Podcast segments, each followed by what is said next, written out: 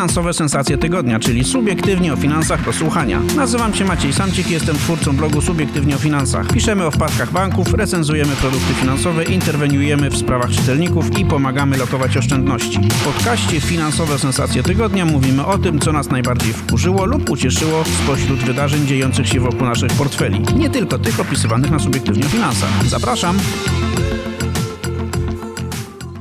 Witam Was serdecznie w kolejnym odcinku podcastu Finansowe Sensacje Tygodnia. Ja się nazywam Maciek Samcik, jestem ojcem, redaktorem serwisu e, czy blogoserwisu Subiektywnie o Finansach, a są ze mną dzisiaj Maciek Bednarek, dzień dobry.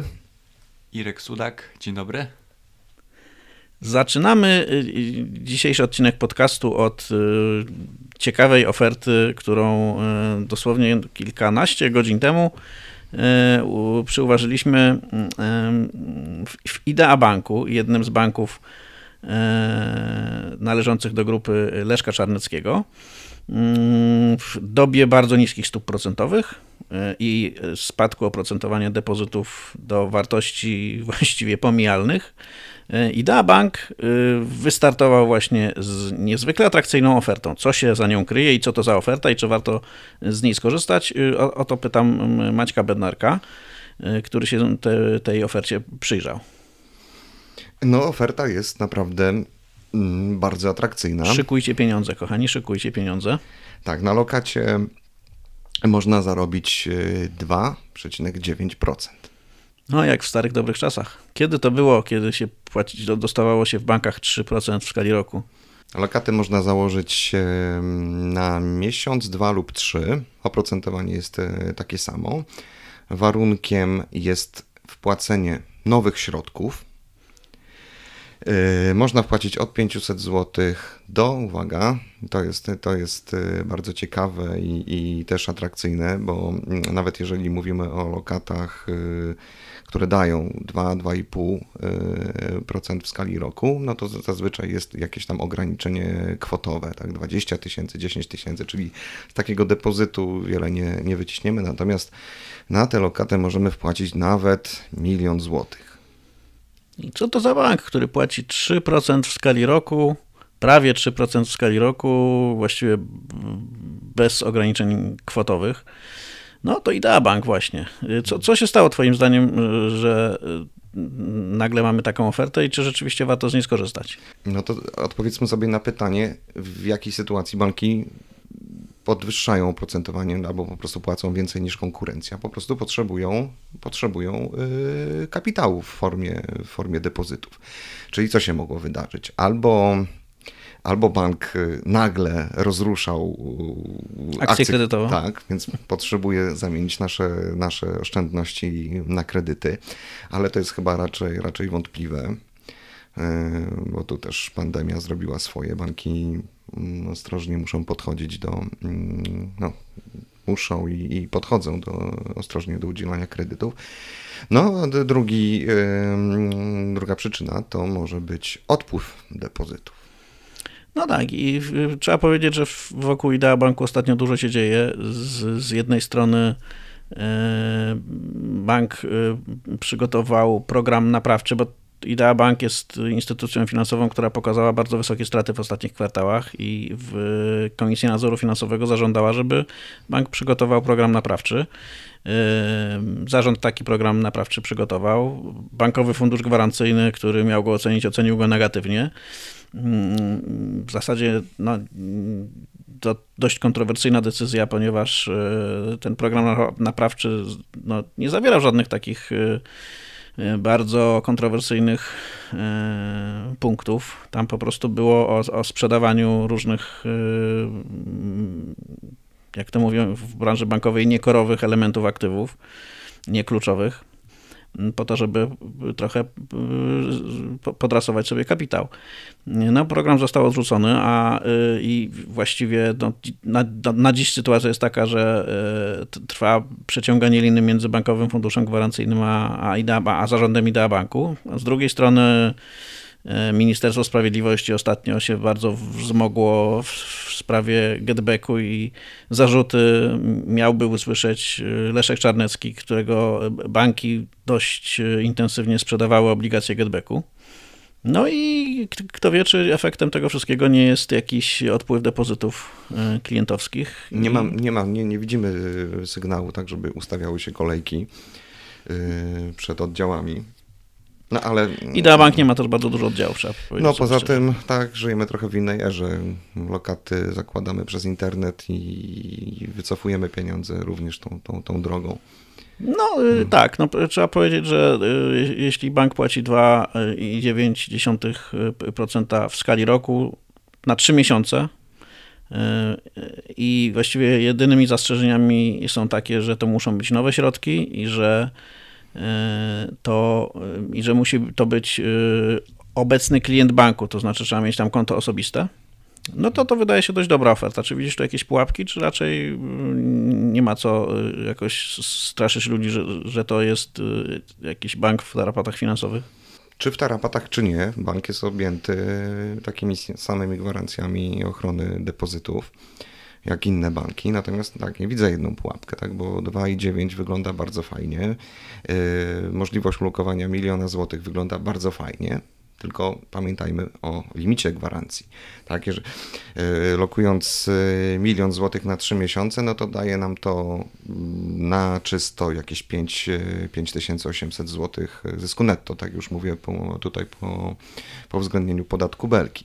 Tylko mm, pamiętajcie, nie tylko w takiej w tej, tej konkretnej sytuacji, ale w ogóle, że mm, no, nasze pieniądze są chronione do wysokości równowartości 100 tysięcy euro, czyli Czyli w zależności tak od, od kursu euro to jest, e, jak jest dzisiaj, po ile jest? No mniej więcej 4,50. No to tak 450 tysięcy, więc jeżeli ktoś ulokuje milion, no to tylko jego połowa, e, połowa oszczędności na takiej lokacie będzie e, chroniona. Gwarantowana przez rząd. Tak, tak, jest. W ramach Bankowego Funduszu Gwarancyjnego. No, yy, życzymy bankowi oczywiście jak najlepiej, żeby nic złego się nie stało, a yy, jeśli ktoś ma milion na zbyciu, to yy, przypominamy, że jest taki bank, który płaci właściwie bez żadnych warunków prawie 3% w skali roku i że nazywa się Idea Bank. Pozostańmy w branży bankowej, ale zmieniamy instytucję finansową na bardziej pocztową. Dużo zmian ostatnio też na szczytach władzy w, banku pocztowym. Bank y, wybierał niedawno nowego prezesa, ale nie o tym będziemy mówić.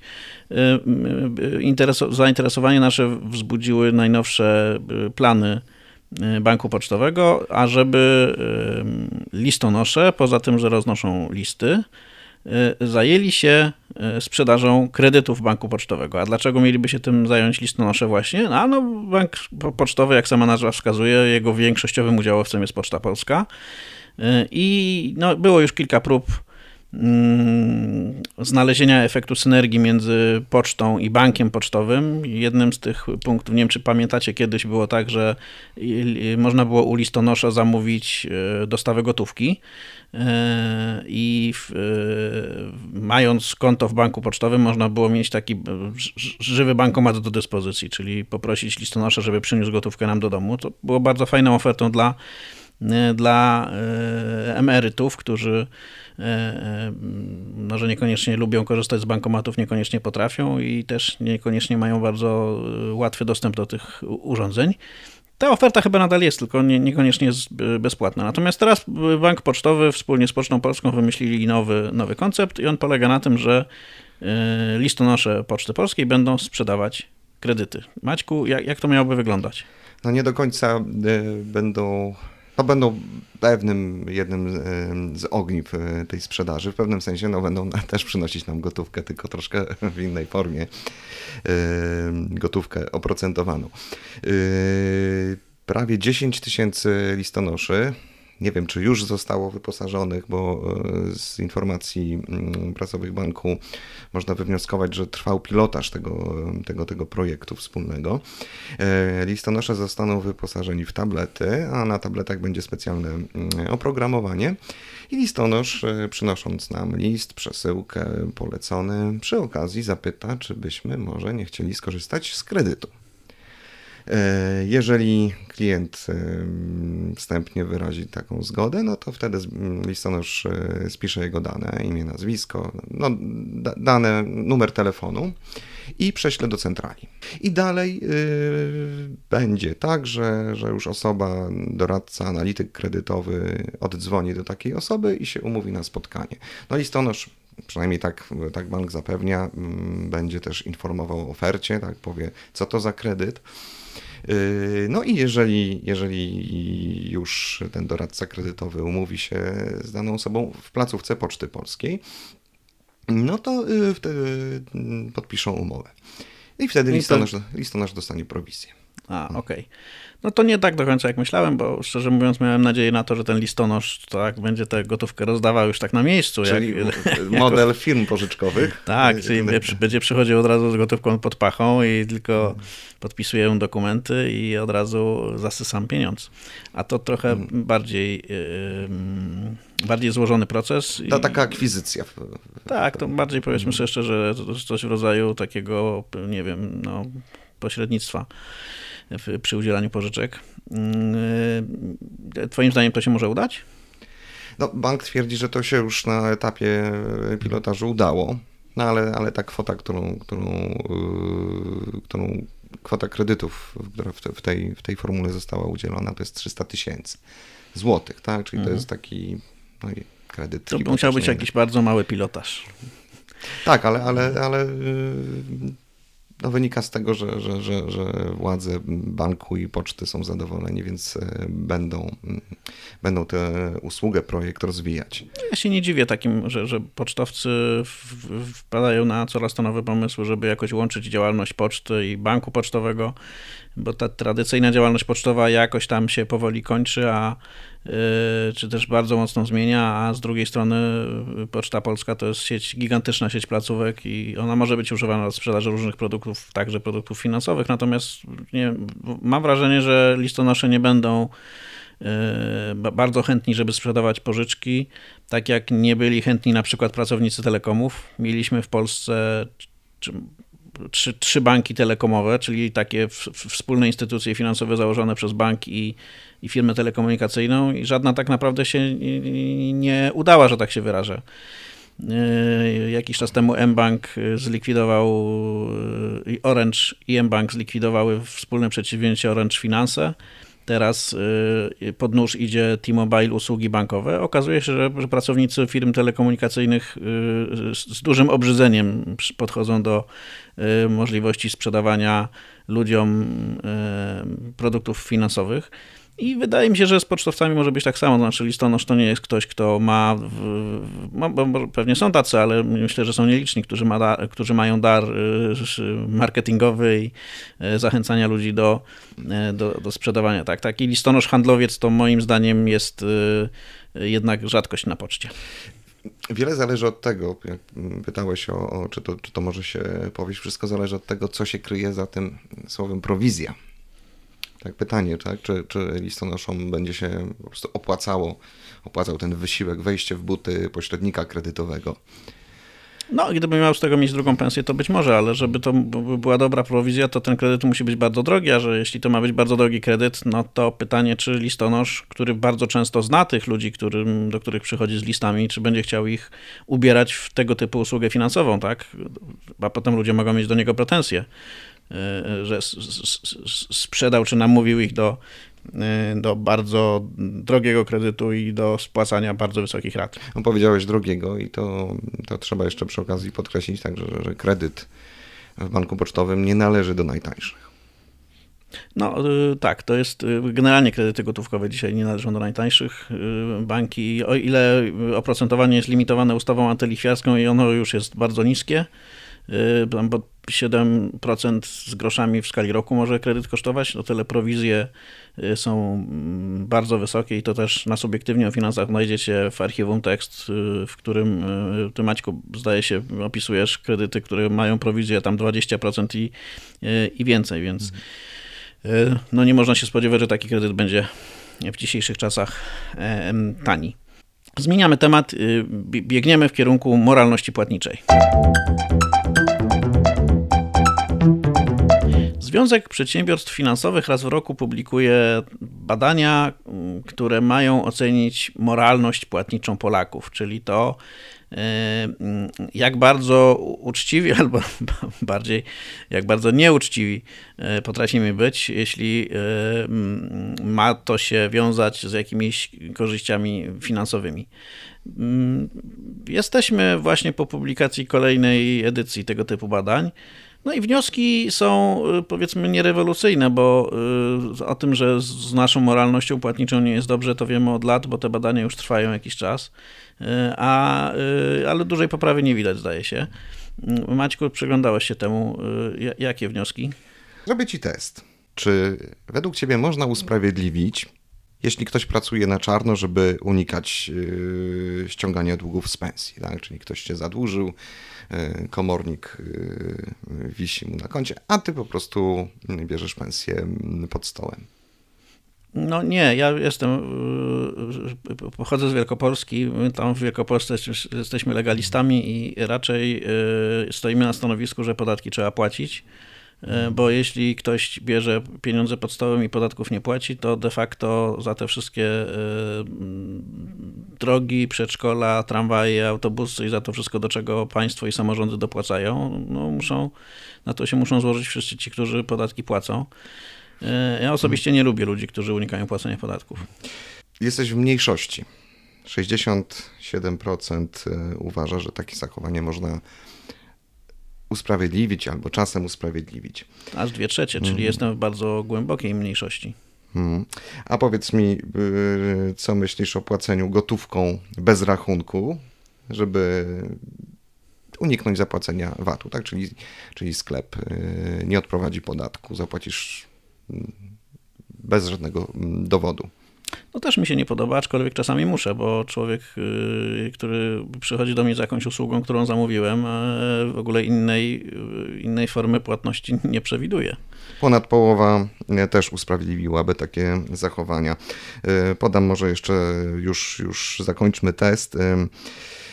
Na przykład tak, jeżeli ktoś przepisuje majątek na rodzinę, by uciec przed wierzycielem, prawie 60% uważa, że takie zachowanie można usprawiedliwić, y, albo zataja informacje uniemożliwiające wzięcie y, kredytu, tak? Czyli oszukujemy na przykład y, oszukujemy bank czy firmę pożyczkową, dmuchając sobie naszą pensję.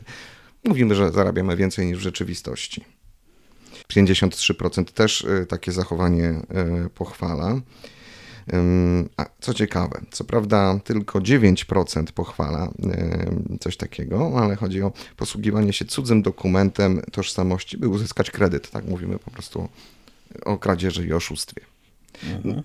Niby 9%, ale no to jest czyste, czyste złodziejstwo. No tak. Ja, ja nie, nie, bardzo rozumiem y, tych, tych wysokich procentów poparcia dla niektórych y, nieetycznych działań, bo tak szczerze mówiąc, mo, można odnieść wrażenie, że większość ankietowanych uważa, że oni zawsze będą po tej dobrej stronie. To znaczy, to oni, y, że, że ich to nigdy nie będzie kosztować. A tymczasem, a tymczasem przecież jeśli płacimy podatek, a ktoś innego nie płaci, to ten nasz, to gdyby wszyscy płacili te podatki, to może one mogłyby być mniejsze albo niższe, albo y, można byłoby z tych podatków więcej mm, mm, inwestycji poczynić. Bardzo to dziwne są te badania i powiem szczerze, y, że y, trochę mm, chyba wynikają z takiej małej naszej wyobraźni y, narodowej. Nam się wydaje, że to my zawsze będziemy wygrywać na tym naszym polskim cwaniactwie, a to chyba tak nie do końca jest. Nie będzie dziwne, jak powiem, że ktoś włamał mi się do komputera. Nie będzie dziwne, jak powiem, że ktoś włamał mi się do jakiegoś e, sprzętu elektronicznego typu smartfon. E, natomiast gdyby mi ktoś powiedział, że włamał mi się do hulajnogi, to bym się trochę zdziwił. A taka sytuacja właśnie zdarzyło się, zdarzyła się mm, bodaj w Białymstoku. Nie, nie w Białymstoku? W Olsztynie. W Olsztynie, właśnie. Taka sytuacja zdarzyła się w Olsztynie i tam mm, grupa miłych y, nastolatków postanowiła się zabawić i włamali się do hulajnogi. Temat ten postawi, postanowiliśmy y, opowiedzieć y, tuż obok tematu o moralności płatniczej, a dlaczego tak to mm, wymyśliliśmy, Maciek zaraz nam wyjaśni. Maćku, dla, jak to jest, że y, powstała y, niemalże ogólnopolska afera z, y, z powodu włamania się młodych ludzi do hulajnóg? Do hulajnóg się w ogóle można włamać? No, jak do każdego systemu. Bo to elektryczne hulajnogi. Elektryczne, tak. Mówimy o. Nie wiem, czy to jest. Czy chyba cała Polska tym nie żyje. Doniósł o tym. Doniosło o tym lokalne olsztyńskie media. Yy, nie wiem, czy to nastolatkowie, tak? dużo, dużo jest niewiadomych w tej historii, yy, no ale jakaś grupa, yy, grupa osób włamała się do systemu takiego miejskiego, miejskiego systemu hulajnogo, hulajnogowego. hulajnogowego i po prostu pojeździli sobie za darmo. A długo jeździli? Nie wiem ile, natomiast y, rachunek, y, no, straty, jaki, jakie szacuje operator mm, tego systemu, no to jest y, kilka tysięcy złotych. Sprawa się zakończyła, namier podobno namierzono hakerów, nie wiem jak ich nazwać, sportowców, hakerów, miłośników jazdy hulajnogami. Mm, no i powiedziano im, że albo przyjdą, po dobroci się przyznają, zwrócą pieniądze, albo sprawa mm, trafi y, do prokuratury. Co byś zrobił z takimi? Wybatorzyłbyś? Myślę, że nie. Y, oczywiście to nie jest dobre y, naciągać czy łamać system, natomiast ja bym ich w ramach pokuty bym ich skierował do testowania systemów bankowych na okoliczność wykrywania pewnych luk, które odpowiednio wcześnie załatane mogłyby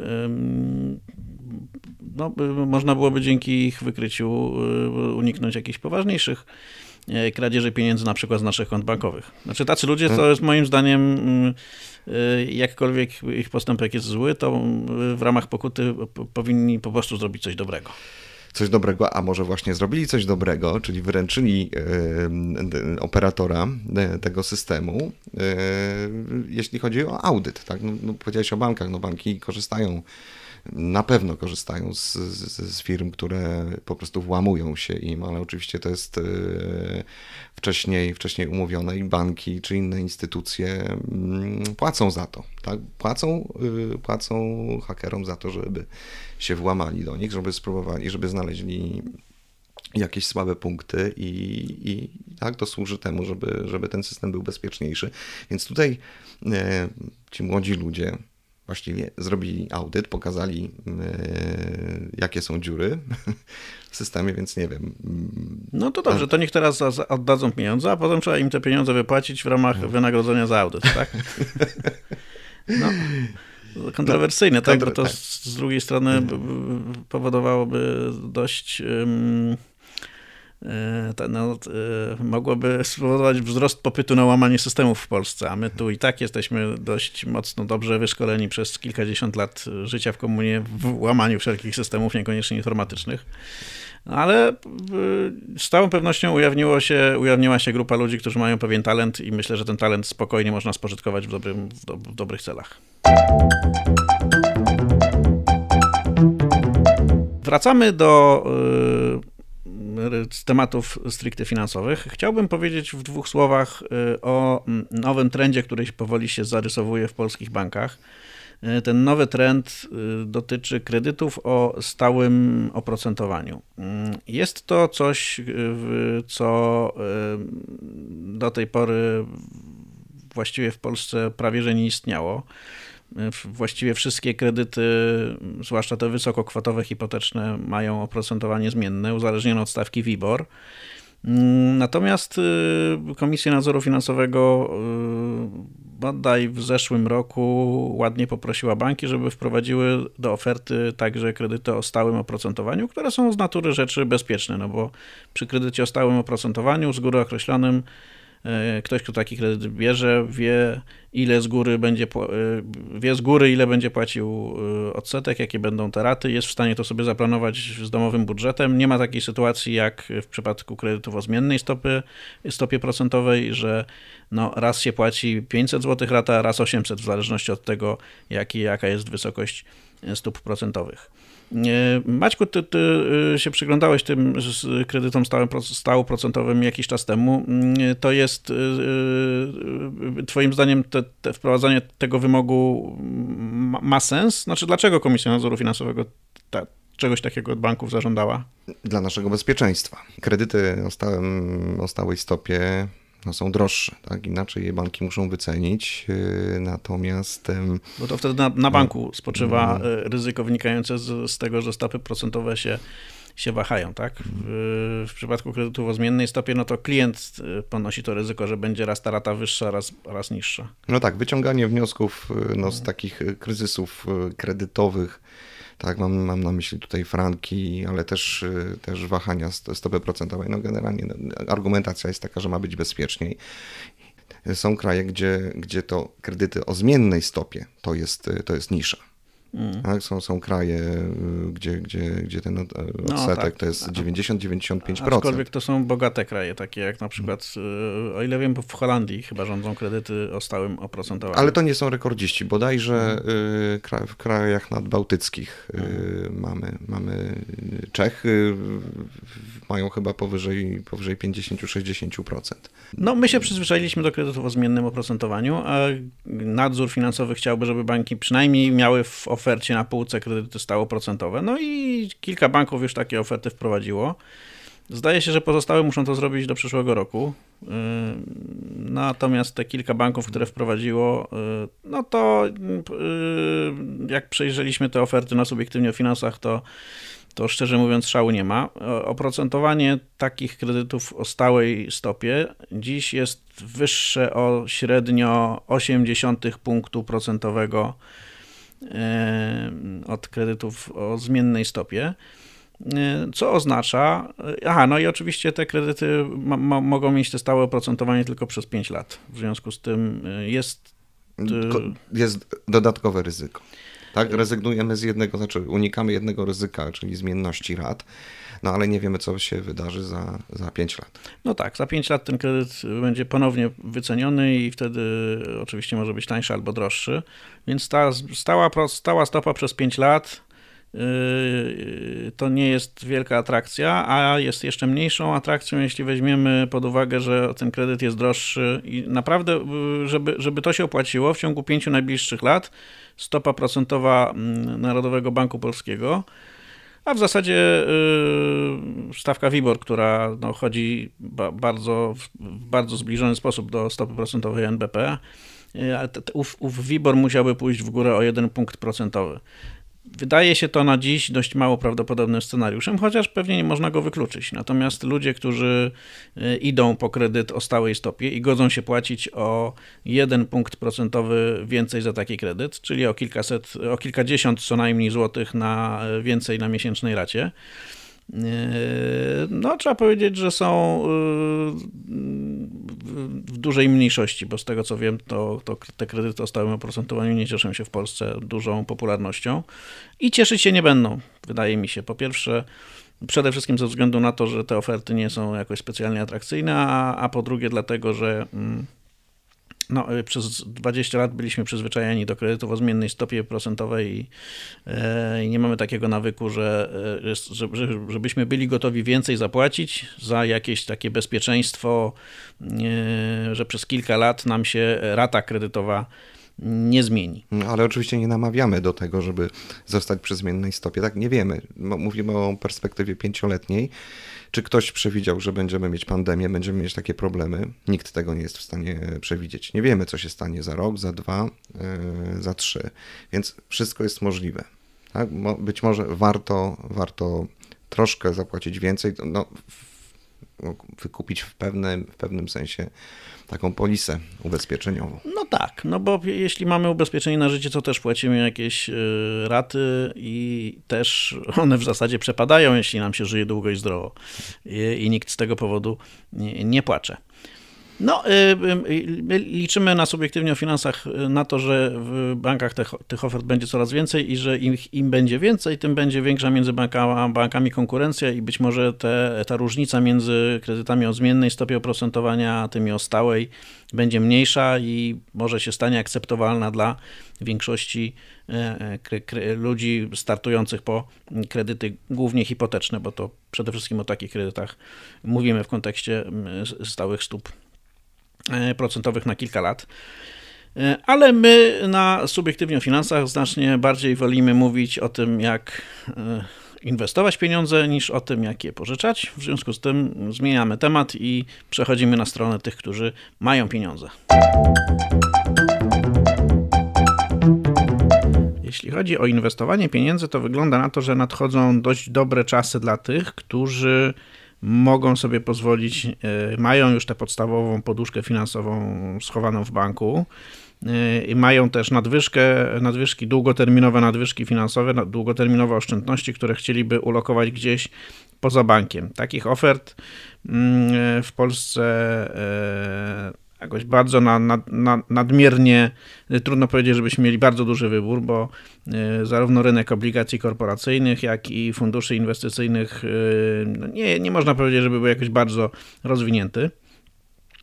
Natomiast zaczyna się sporo dziać, jeśli chodzi o firmy wchodzące na giełdę. Ja pamiętam, jak kilkanaście lat temu właściwie i w ramach, głównie w ramach prywatyzacji państwowych firm, właściwie co kilka miesięcy mieliśmy jakąś taką e, sprzedaż akcji firmy, firmy kultowej, firmy, którą wszyscy znali, firmy, na której akcji zapisywały się dziesiątki albo setki tysięcy ludzi, właśnie po to, żeby, za, żeby być współudziałowcem porządnej firmy, E, nie tylko korzystać z jej usług lub też kupować jej produkty, ale też zarabiać mm, na tym, że ta firma się e, rozwija, czyli być takim drobnym akcjonariuszem, e, który część swoich oszczędności ma ulokowanych na rynku kapitałowym. W ostatnich latach ten rynek kapitałowy w Polsce raczej się zwijał.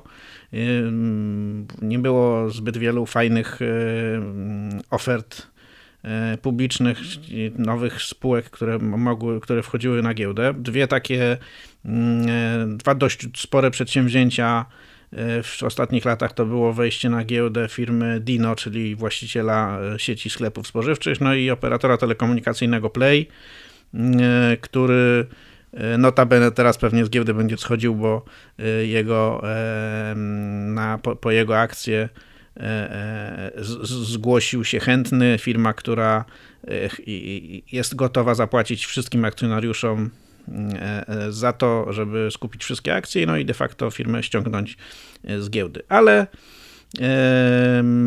na dziś mamy obietnicę, że w najbliższych tygodniach na giełdzie będą chciały zadebiutować naprawdę E, znane przedsięwzięcia. E, Irku, e, ty się przyglądasz tym ofertom publicznym w ostatnich miesiącach i latach. Zbyt dużo pracy z nimi nie miałeś, ale teraz coś chyba się zmienia. Dokładnie właśnie to chciałem powiedzieć, że jako autor, jako dziennikarz już jeszcze trochę bym się zupełnie odzwyczaił od opisywania ofert publicznych. Na szczęście to się w czwartym kwartale zmieni. Mm, dwie duże, y, zupełnie prywatne, zbudowane od podstaw polskie spółki zamierzają zadebiutować na giełdzie. Spółki dodajemy rozpoznawalne przez y, konsumentów, co dodatkowo dodaje smaczku mm, tymże projektom. Y, chodzi o Allegro, czyli największy serwis aukcyjny, w zasadzie firmę, której nie trzeba przedstawiać, ma 12 milionów użytkowników, 12 milionów kont i spółkę, y, która jest właścicielem y, sklepu internetowego z ubraniami. Y, sklep nazywa się Answer.com, sama spółka nazywa się Wear, Wearco. Zacznijmy może od Allegro, ponieważ w tym przypadku wiemy nieco więcej, choć nie też tak dużo, jakbyśmy sobie tego życzyli, bo prospektu emisyjnego, czyli takiego kompendium wiedzy o ofercie i o danych y, y, finansowych, a także no o i ocenie akcji. Cenie akcji. Tak, tego nie, tego nie wiemy, także mm, trudno powiedzieć, jak duża będzie ta oferta, natomiast wiemy, że będzie na pewno ogromna. Prawdopodobnie na rynek trafią akcje o wartości kilku miliardów złotych, nawet mówi się nawet o 8 miliardach co mm, oznaczałoby, że cały nasz portal aukcyjny Allegro mógłby być wyceniany nawet na 40-50 miliardów złotych. To jest majątek, to jest, to jest, proszę Państwa, bardzo dużo pieniędzy. Wystarczy powiedzieć, że to jest w tym momencie więcej niż CD Projekt, który i tak na tle innych y, czempionów, a może już przeszłych y, czempionów Skarbu Państwa y, i tak był dużo już więcej od nich y, wart. No tak, bo to jest przecież więcej niż są warte takie spółeczki jak PKO BP, jak Orlen i, i, i tego typu drobiazgi. A do tego teraz trzeba będzie jeszcze dodać Allegro. Zapewne y, wielu inwestorów, a mamy ich milion trzysta tysięcy, to jest liczba osób, która posiada rachunek maklerski i, i, i, i te osoby w zasadzie w, w, każdym momencie, jak tylko ruszy, ruszą zapisy na akcje, y, no, będą mogli złożyć zapis i, i czekać y, w nadziei, że dostaną tyle akcji, ile zamówią. Jeszcze, ponieważ nie znamy dokładnych parametrów emisji, także nie wiemy, ani w jakiej cenie będą te akcje, ani y, jak duży może być y, popyt, chociaż spodziewamy się raczej dużego niż małego zainteresowania. Co sprowadza się do tego, że nawet jeżeli byśmy na przykład chcieli kupić, nie wiem, 100 akcji Allegro, to prawdopodobnie y, uda nam się mm, kupić odpowiednio mniej. Czyli jednym słowem czekają nas redukcje w związku z dużym zainteresowaniem. No, setki miliardów złotych w bankach czekają aż e, pojawi się okazja, żeby coś z nimi zrobić.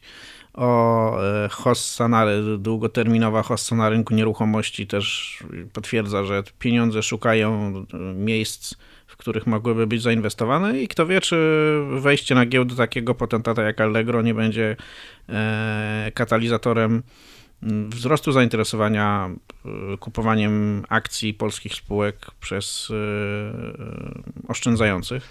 Tak. Czego byśmy sobie życzyli w sumie? Dokładnie, chociaż to jest, to jest pytanie, które każdy z nas, a przynajmniej ci, którzy chcieliby zainwestować w taką spółkę, która dopiero wybiera się na giełdę, musi sobie odpowiedzieć sam. Czyli czy warto Y, przenieść część y, swoich pieniędzy z bezpiecznych lokat bankowych na nieco, no nieco, no, na po prostu na ryzykowniejszy rynek y, kapitałowy. Zwykle jest tak, że przynajmniej jeśli chodzi o statystykę, mm, na debiucie firmy, która dopiero wchodzi na giełdę, statystycznie ryzyko straty jest ograniczone. To znaczy, na przykład, na 10 największych debiutów na świecie z ostatniego roku, 8 dało y, zarobić. Jak sprawdził y, portal Strefa Inwestorów w latach 2012-2018, czyli jeszcze mm, był to okres, który zahaczał o, o, o duże debiuty, takie jak Dino, o którym wspomniałeś, czy Play, mm, średnio wychodzi, że na debiucie można było zarobić 11%. W związku z czym rośnie y, pokusa Y, związana z tym, że może na Allegro i na debiucie właściciela Answer.com również będzie można zarobić, a przynajmniej nie stracić w pierwszym dniu notowań. Czy no, tak się stanie? No to jest właśnie pytanie za 100 punktów. No, dopóki nie znamy ceny, to trudno szacować prawdopodobieństwo. Ja tylko przypomnę, że na rynku kapitałowym nie ma nic pewnego, bo jak y, podczas ostatniego wielkiego debiutu y, firmy telekomunikacyjnej Play 3-4 lata temu, no tam, mm, tam inwestorzy stracili. Zresztą już na poziomie, jak opisywaliśmy na subiektywnie o finansach tę ofertę, y, to się tak zastanawialiśmy, czy, czy cena nie jest zbyt wysoka i czy to, się, y, czy to się inwestorom opłaci. No tutaj jeszcze nie wiemy, jak będzie z tym Allegro i z Answer.com. Na pewno są to duże firmy, wiarygodne, takie firmy, które już pokazały na rynku, że potrafią zarabiać pieniądze. I są, można powiedzieć, w przyszłościowych, działają w przyszłościowych branżach, czyli w rynku e-commerce handlu przez internet, który szczególnie w okresie pandemii i lockdownu zyskiwał na znaczeniu.